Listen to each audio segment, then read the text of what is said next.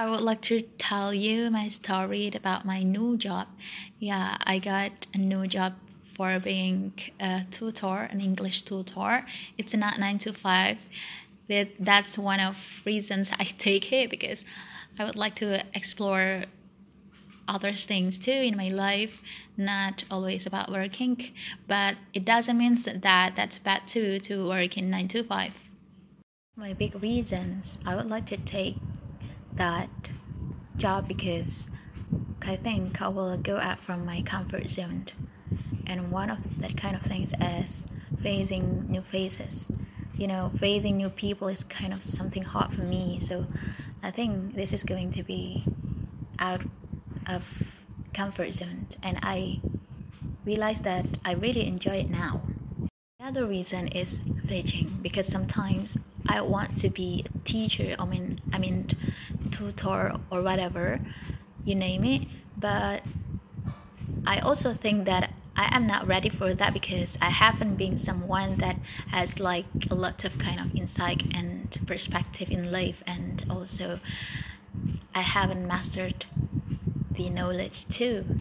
But now I feel that I'm I really love this new job because you know I can go out from my comfort zone the first thing and also I can learn new things also.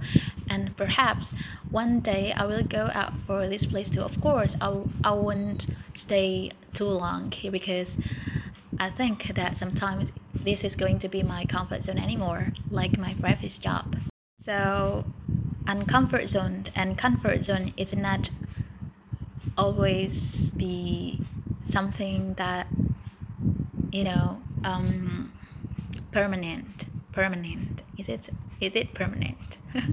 Because it's going to be changed over and over again all the time and you know by the time it's going to be changed.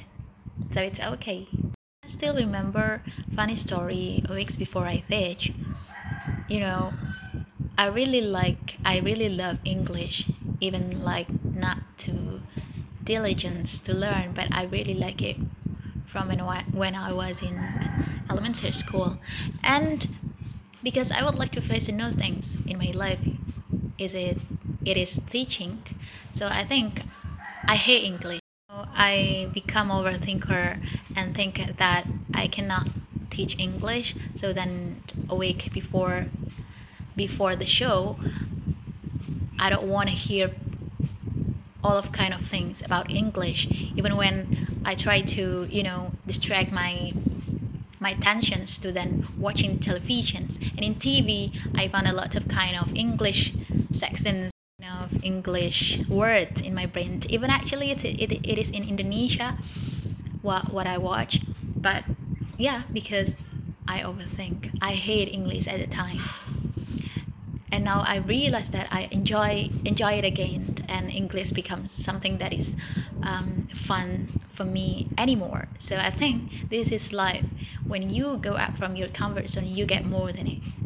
Me, in my brain, the concept of being a lecturer or a tutor or a teacher or someone that would like to share their knowledge must be going to be someone that's so much clever in that and master in that field because you know in my concept i don't want to be a lecturer or even a teacher that is CSL. i want to be one of teachers or lecturer that is out of the box making the audience knowing the knowledge more. So before that I, I, think it's a really neat hard work to then you know mastering the knowledge too not only based on the paper but also from life books eh, of course books and novels and stories and real stories and whatever whatsoever. So this is what what i mean